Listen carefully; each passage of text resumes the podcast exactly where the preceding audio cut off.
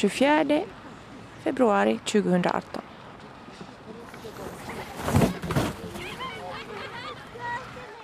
En gnistrande vinterdag står jag i Vasaparken i Stockholm bland barnfamiljer, släntrande par, pulkor, skridskoåkare, damer med hundar.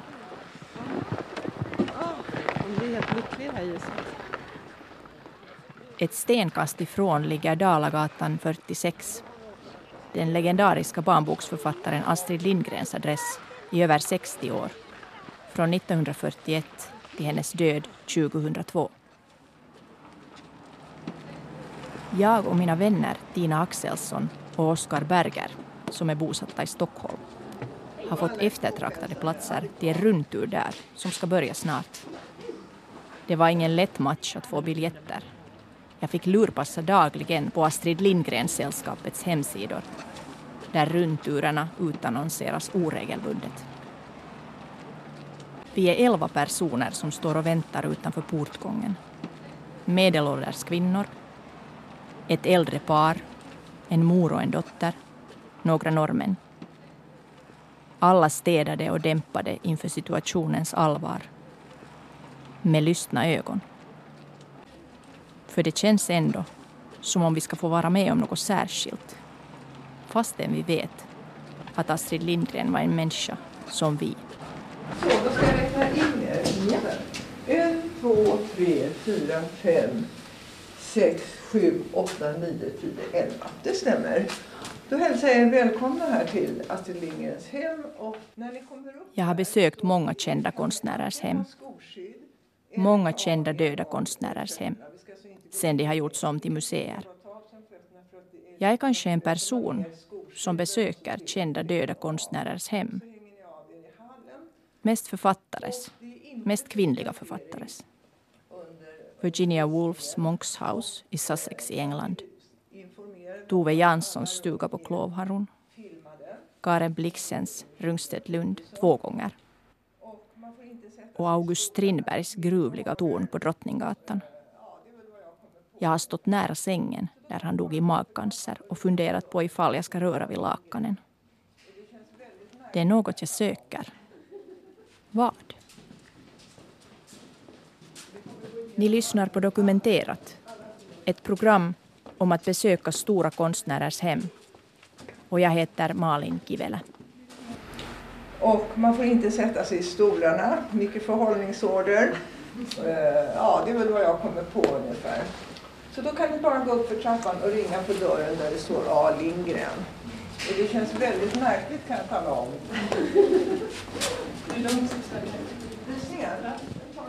Vi kliver in i en murrig hall, krånglar med skor och skoskydd.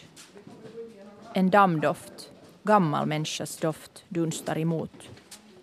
På väggarna hänger exotiska prydnader. Jag kommer att tänka på min farmors lägenhet den sista tiden. Man får lust att öppna fönstren på vid gavel. Till höger är toaletten. Astrid Lindgrens toalett. Jag vill gå in och banda det autentiska ljudrummet i Astrid Lindgrens toalett. Men fegar ur. Jag vill hållas på god fot med guiderna. Det känns som om de lite har ögonen på mig. Reportern.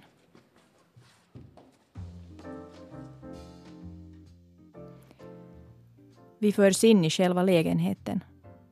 140 kvadratmeter stor och ljus. På sina ställen lite labyrintisk och belamrad. Det är inte tillåtet att banda eller ta foton under själva rundturen. I det stora vardagsrummet finns två fina soffor som man inte får sitta i, ett skrivbord, vackra tavlor, fula tavlor och stora fönster ut mot Vasaparken. Just idag är det lätt att tänka sig Astrid stå här, titta ut och tänka fram den ensamma pojken Mio som hittar guldäpplet en oktoberkväll. Eller miniatyrsyskonen Peter och Petra åkande skridskor i parken i sakta fallande snö. Intrycket är ljust, lite dammigt. Mycket böcker, bord, pennor. Pennvässare fastmonterade i bordshörn. Ovanför sängen en hylla med Astrids viktigaste böcker, bland annat Tage Danielssons barnbok för vuxna, Erik Karlfeldts dikter, Bibeln och något överraskande Anna Wahlgrens Barnaboken. I arbetsrummet gamla människors hjälpmedel, tjocka glasögon, coola bruna ovala bågar. Förstoringsglas, en telefon med jätteknappar. Astrid Lindgren var synskadad som gammal. Här finns porslinsfigurer, mycket fåglar, ett köksbord med blommig duk där Astrid öppnar posten och maken Stures slipsskåp. Det andra stora rummet, salen, var i början Astrids och Stures sovrum men blev sen ett slags förvaringsrum och fin matsal. Och där bakom allt, det lilla smala sovrummet som först var Stures då han var sjuk på slutet. Efter att han dött redan år 1952 tog Astrid över det. Och det var i den sängen hon själv dog som 94-åring. Köket besöker vi inte, det är anspråkslöst. Jag tittar förstås in i det. Och ja, det är litet och fullt av omoderna köksskåp. Några pappershögar på diskbänken. Sparsamheten lyser. Dekorativitet, souvenirer, foton på släktingar. Jag kommer att tänka på just min farmors hem. Allt är prydligt. Man ställer fram det man brukar ställa fram. Är ordentlig människa. Mattorna slitna. Sovrumsmattan till den grad att ett hål uppstått i den efter Astrids ena fot. Den hon brukar stiga upp med. Som hon själv skriver år 1954 i ett brev till väninnan Louise Hartung. Att vara som andra, ja det vill man ju så gärna när man är barn och när man är ung. För er måste det mycket tidigt ha stått klart att de andra var er rätt olika. Men jag, jag har egentligen aldrig varit annorlunda än alla andra. Åtminstone har jag aldrig trott eller förstått det. Och jag tycker fortfarande att jag är precis hur vardaglig som helst. Ganska normal och välbalanserad. Om än något melankolisk, vilket min omgivning nog aldrig märker. Fast förstås är Astrid själv redan död. Var död i många år innan hemmet öppnades för besökare år 2015. Så vem som helst kan ju ha ställt fram vad som helst eller ställt bort. Och hon var sjuk i många år innan hon dog. Redan då kan vem som helst ha gjort vad som helst. Ta bort det som inte passade in i bilden man ville ge av den världsberömda Astrid Lindgren. Det sägs att allt är som hon lämnade, men vem vet? Ingen är väl så enkel som hens hem ser ut. Det är som med biografier. Man kan komma nära, men inte ända in. Vid det här matbordet åt man faktiskt inte gröt till frukost utan toast med marmelad, berättar guiden. Och Astrid Lindgren satt i sin säng och jobbade på morgnarna. Då fick inget komma i vägen. Ur guidningen och framför allt breven till Louise Hartung som finns samlade i boken Jag har också levat framträder en bild av en mycket ambitiös, på gränsen till vad vi idag skulle kalla utbränd kvinna. Sliten mellan sina plikter som mor och farmor, redaktör, trevlig människa och konstnär. Men samtidigt ganska internationell, tuff och resvan. Hon är alltid ängslig för slitage. Ja, verkligen. Efter rundturen intervjuar jag Gunilla Halkjär Olofsson en av mina guider och dåvarande ordförande för Astrid Lindgren-sällskapet. Jag måste säga här på bandet att jag, jag får sitta på en sån här soffa som i vanliga fall är, är förbjuden. ja, jo, men nu ska jag fråga om det här, egentligen det här guidande och det här mm. att besöka människors hem. Mm. Att, um, varför tror du att folk är intresserade av att komma hit? Ja. Det, är, ja, det är en svår fråga, men jag tror att vi är så många som har ett förhållande till Astrid mm. Lindgren och Astrid Lindgrens böcker. Det är ju till böckerna vi har ett förhållande och då känner man ju att man har det även med henne. Och så har vi kanske läst och sett mycket av henne för hon var ju väldigt aktiv på många andra sätt. Hon blev ju det med åren, aktiv deltagare i samhällsdebatten. Man blir nyfiken på henne. Vem var hon? Hur levde hon? Hur såg det ut? Var kommer allt det här fantastiska ifrån? Mm. Kanske att hur en sån människa då, hur, hur lever hon sitt dagliga liv? Ja, ja det det. Det undrar man ju då. Ja. Ja. Och jag tänker att folk, alltså vi blir alla tror jag när vi kommer in här lite högtidliga till sinnet. Och man, man blir berörd på ett, alltså jag kan ju fortfarande känna det att man blir berörd varje gång. Mm. Ja. Också av det som är sådär jätteordinärt förstås. Ja. Att jag, också hon liksom Ja, gick att- på toa eller så. ja allting, är ju, allting är ju ett vanligt liv Mm. här. Ja, och kropparna är kroppar liksom. Ja. Jag tänker att det är fint att här är så här, eh, fast här är allt det här vanliga då också, så finns det hela tiden jättemycket plats för det här skrivande. Att det är ju liksom pennvässare, pennor, böcker, bord. Men, tänker du, för att jag själv liksom besöker sådana så stora konstnärers hem, så är det som att jag vill någonting som jag inte kan liksom förklara. Att jag, så här, jag vill ha någonting av det här. Liksom jag vill ha en del av den här, liksom, på något sätt. Så kan du känna igen en sån här önskan hos de här besökarna. Det är något också något som man inte riktigt kan förklara. Nej, fick du någonting? Mm, det är just det jag försöker fundera på i det här programmet. Att vad är det jag söker och får jag det? liksom. För jag vill som att jag vill lite smittas av den här liksom, genialiteten. Eller inte genial, men den här, eh, det fina. Ja. ja, men jag tror att det vi får när vi är här är väl att jo, vi känner ju i det hon skriver och så som vi tolkar hennes verk att det är en genuin människa, alltså en äkta människa med värme och empati och det hon tycker är viktigt. Man brukar ju prata om att hon skriver om de ensamma barnen, de ensamma pojkarna, om, om att ta hand om barnen, att leka, att... Ja, det är många positiva förtecken runt det. Och sen kommer man hit och så känner man att ja, men hon levde nog så. Det fanns ju i hennes liv också. Man kanske inte kan skriva om man inte har det alls själv. Liksom. Någonting. Någonting måste man ju ha och att det känns väl som att här går det hand i hand. Det stämmer. Och det är väl det man i bästa fall då kan få med sig härifrån. Att, mm, nej, men hon var nog den jag trodde. Så. Ja. Ja, jag också fascineras av att hon bodde så länge och sen hade sådär, just mattan var lite sliten och så. Att tänker du att det var för att hon att, jag vet inte, jag slås bara att hon liksom, det var inte så mycket äventyr kanske och sånt utan mer att hon höll sig till den här liksom dagliga rutinen. Du menar i det vardagliga Ja, livet? att också så bytte inte ut mat, okej, det var, att mattorna fick bli så för hon var sparsam och liksom det var inte så viktigt att det var en Jag fin tror att det är matta. ganska modernt det där att byta ut. Ja. Ja, ja, det var tiden på ett sätt. Ja, hon är född samma år som min mamma. Jag menar, de hade ju samma möbler Mm. hela livet.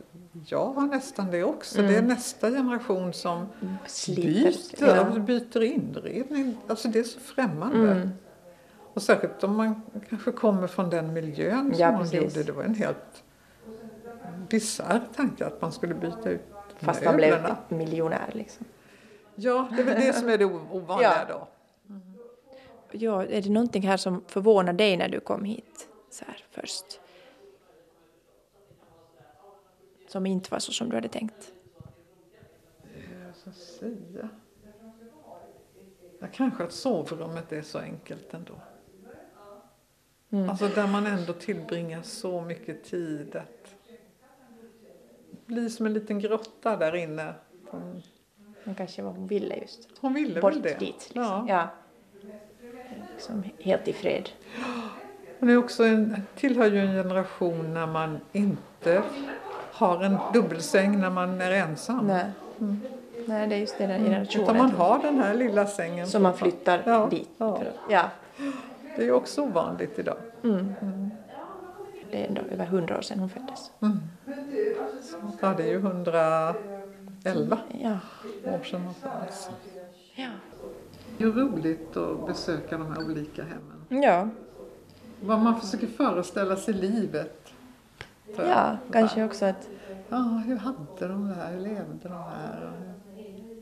ja, Sen finns det ju några som kan tycka att det är för privat. Ja, de vill inte liksom att det ska vara en Nej. riktig människa kanske. Ja, eller man kanske inte vill besöka. Ja, Så att, böckerna får tala. ja, så kan man ju också ha, tänka. Mm. Varför ska vi... Men hon, jag tänker att hon själv köpte ju tillbaka barndomshemmet på Näs och har ju sett till att återställa det i det skick. Så hon ville ju själv på något sätt Dela det visa här. det, dela Mm. det här. Och för familjen här, det är ju tack vare att de vill det som vi kan göra det här. Och att det nog varit självklart för dem också att, ja, att dela det här med alla hennes läsare.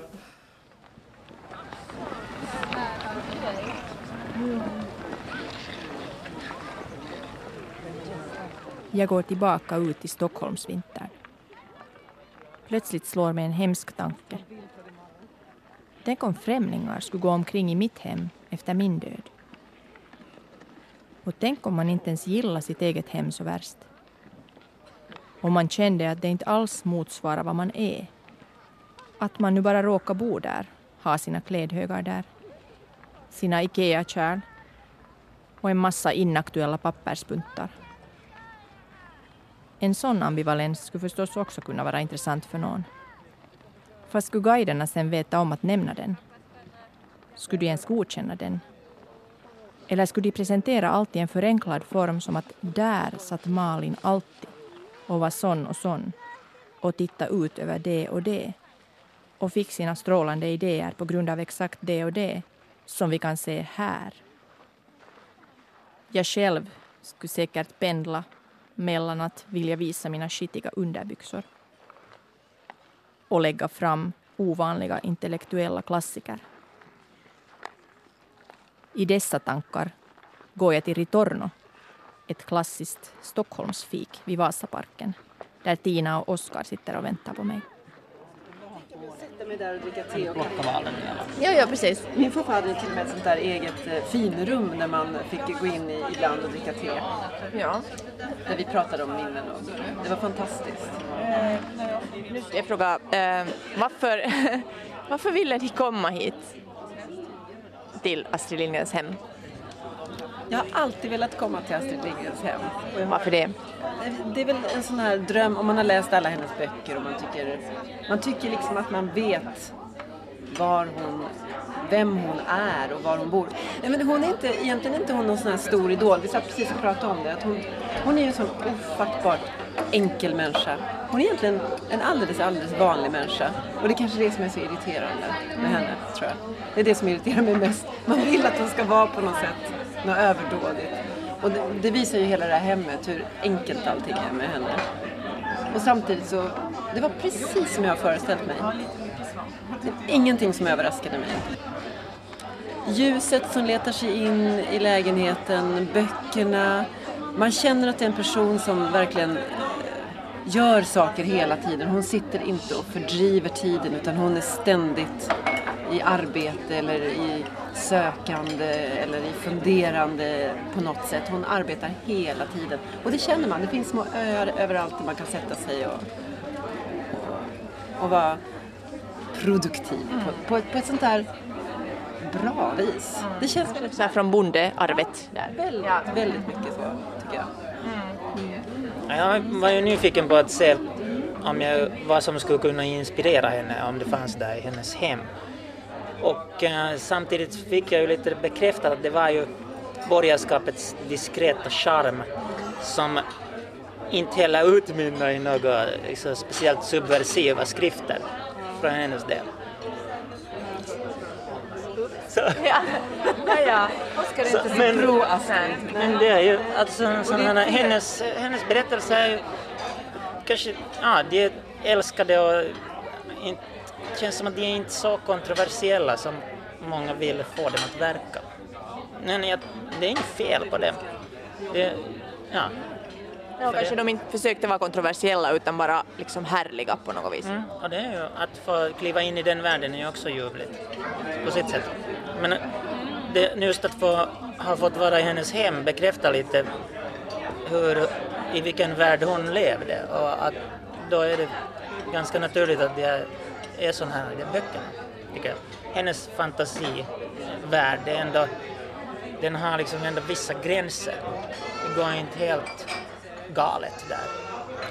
Det kanske kan vara hemskt men det är inte ändå helt vidunderliga hemskheter.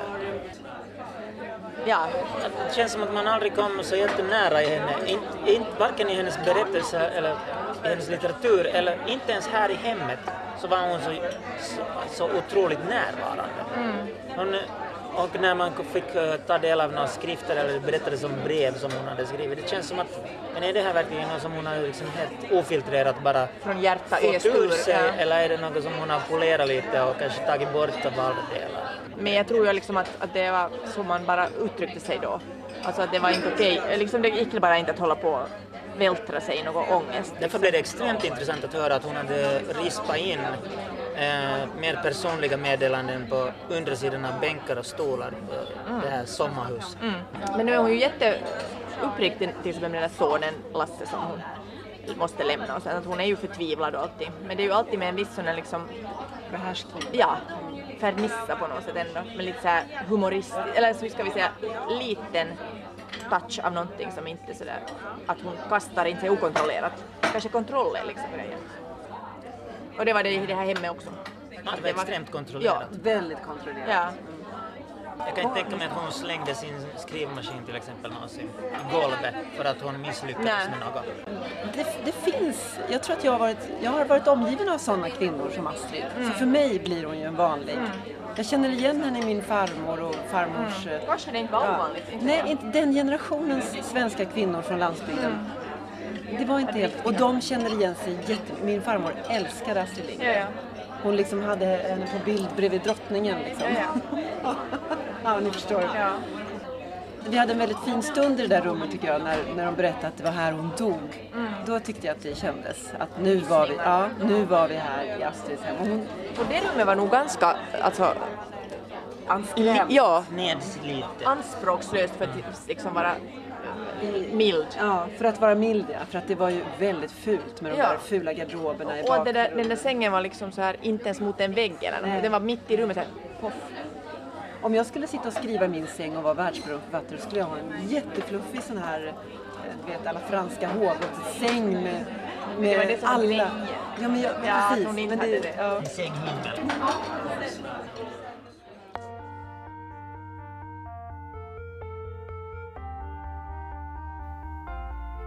Tid går. Nu är det en helt annan gång. En skinande blåsig dag i slutet av september och jag är förkyldast i stan.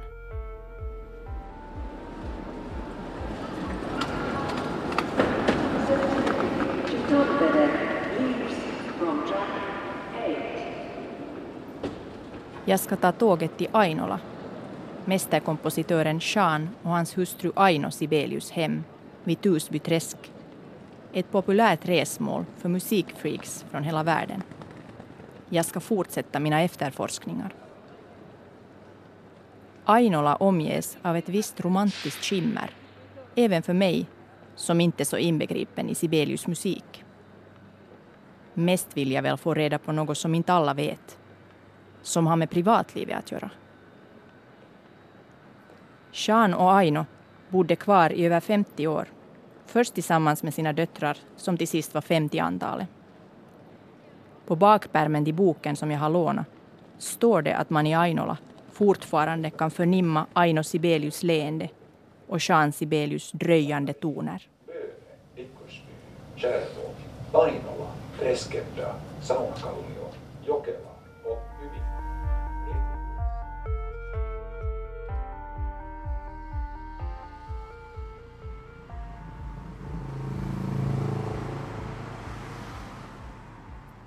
En rak promenad genom förorten och jag är framme. Ainola ligger uppe på en kulle. Vackert.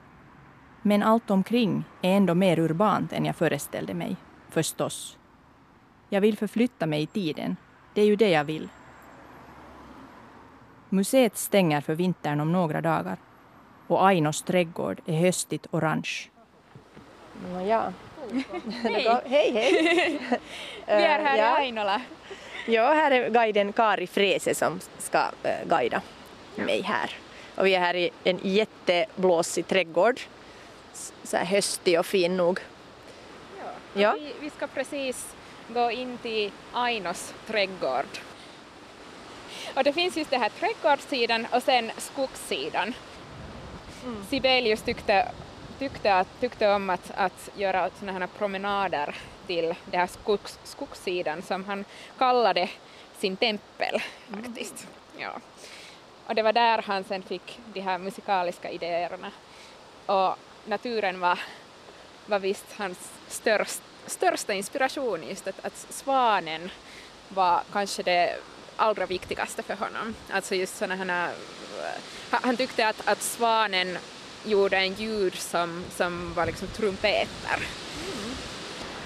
Men alltså, mm, var det mycket liksom annorlunda här omkring då på den tiden, liksom mera landsbygd? Det, det, det finns en, en skillnad, till exempel just det där äh, motorvägen där, alltså den fanns ju inte förr i tiden och, och en av de största orsakerna varför familjen ville flytta just hit var just den här tystnaden som fanns.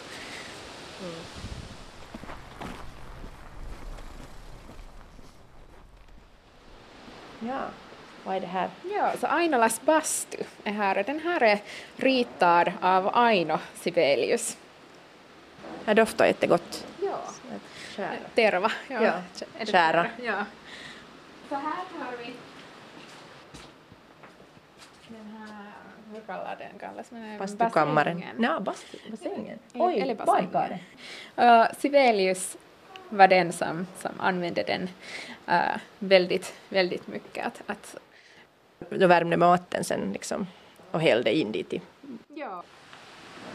Aina gjorde sådana här moderna vattensystem hit. Så vatten går från en rum till en annan. Just det. Alltså det här är ju ett sånt, ja, kare. det här är ett sånt hål liksom där. Ja. Var det for in. Som ganska genialt. Där kunde han ligga bara och Japp, ja. komponera. Ljuvlig bastu, jag skulle kunna nog basta. Kan, han, brukar ni gå i bastu här ibland? nu för tiden är det helt, helt och hållet så här museibastu, ingen... Ja, Så på guidernas äh, vet du, julfest eller nåt. det skulle vara härligt Ja. men nej, den används inte något nå mer. Just det. Vi går in i själva huset. Ett rymligt nationalromantiskt stockhus. Hej.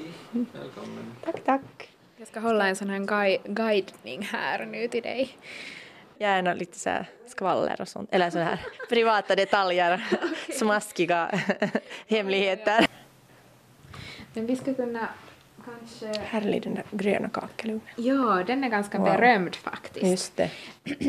Alltså, Sibelius hade synestesi Mm. som gjorde att han kunde höra några specifika färger som musik i hans huvud. Och det var just eh, på grund av det att man sen i familjen kallade den här gröna spisen för F-durspisen. Eh, en kväll Sibelius brände en stor mängd av sina verk i just den här spisen. Just var det då när han var äldre? Och Ja, han när hade han var äldre. Ja, han hade väldigt mycket självkritik. Mm.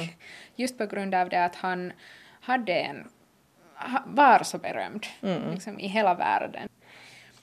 Och från just det här, den här kvällen Sibelius brände eh, en stor mängd av sina verk börjar en period som vi kallar för Ainolas tystnad. Mm.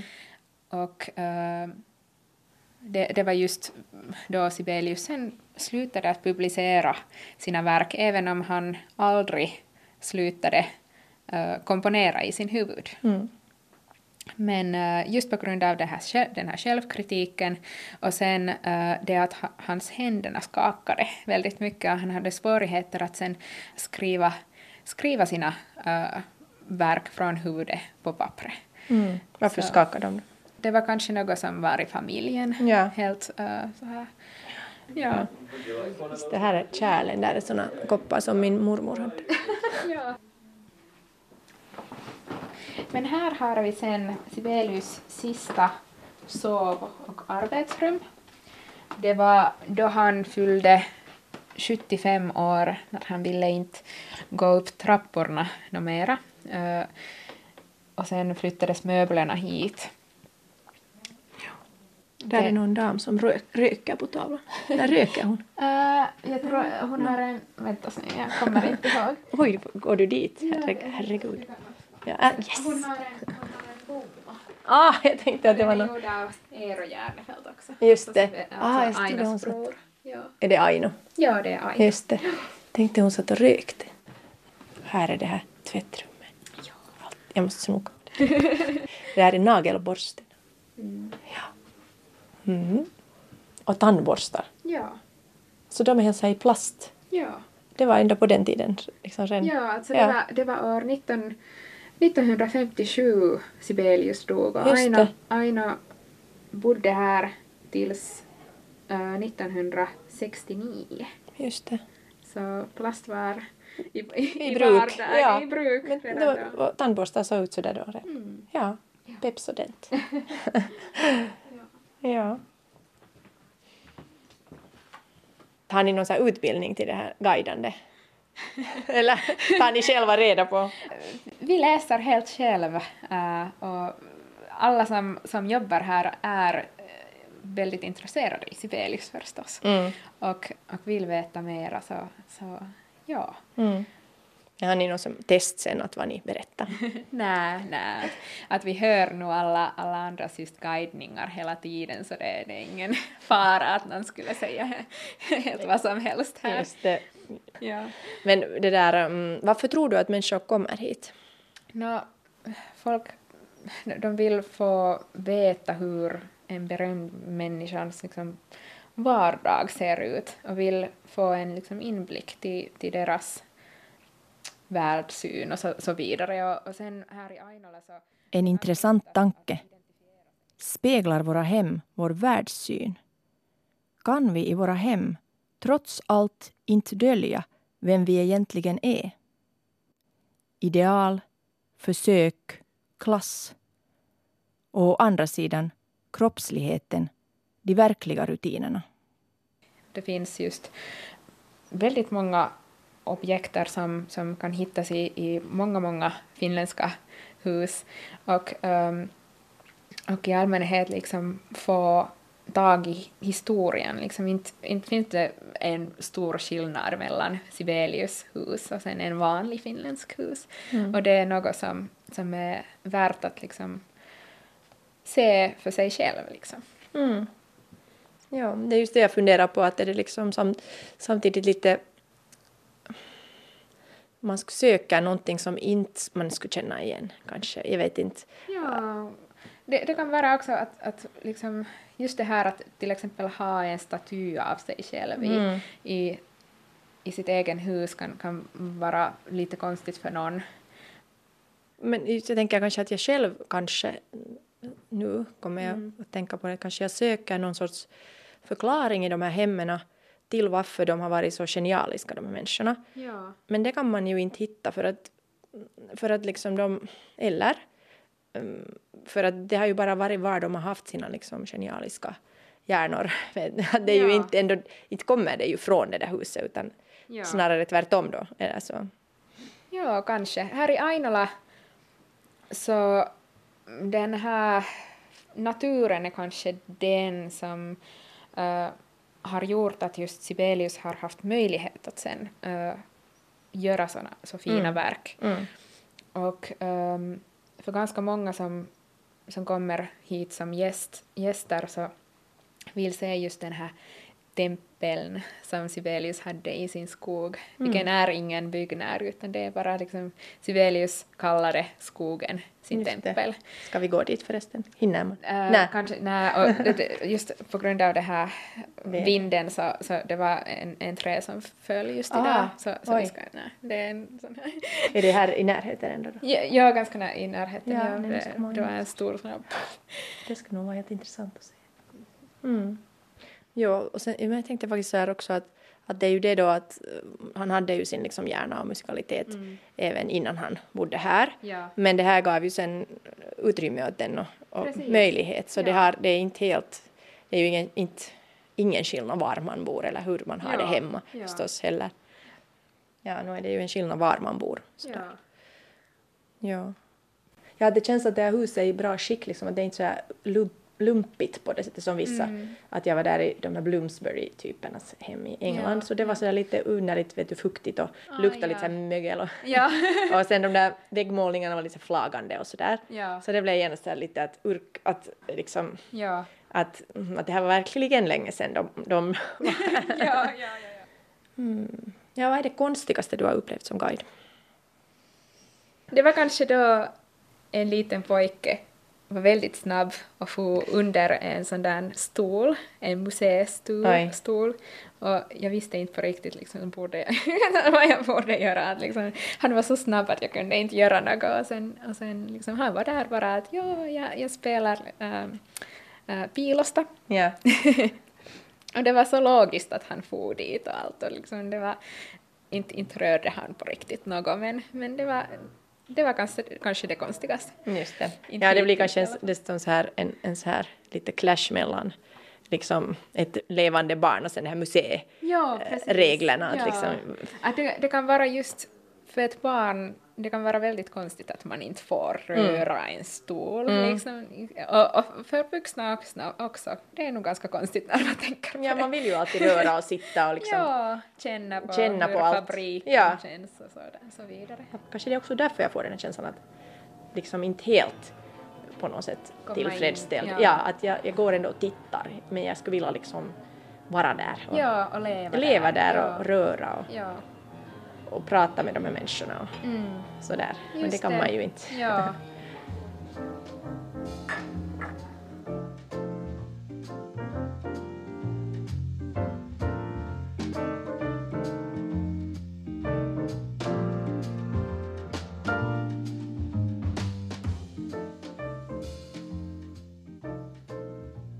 Det här var dokumenterat med programmet Stjärnornas tandborstar.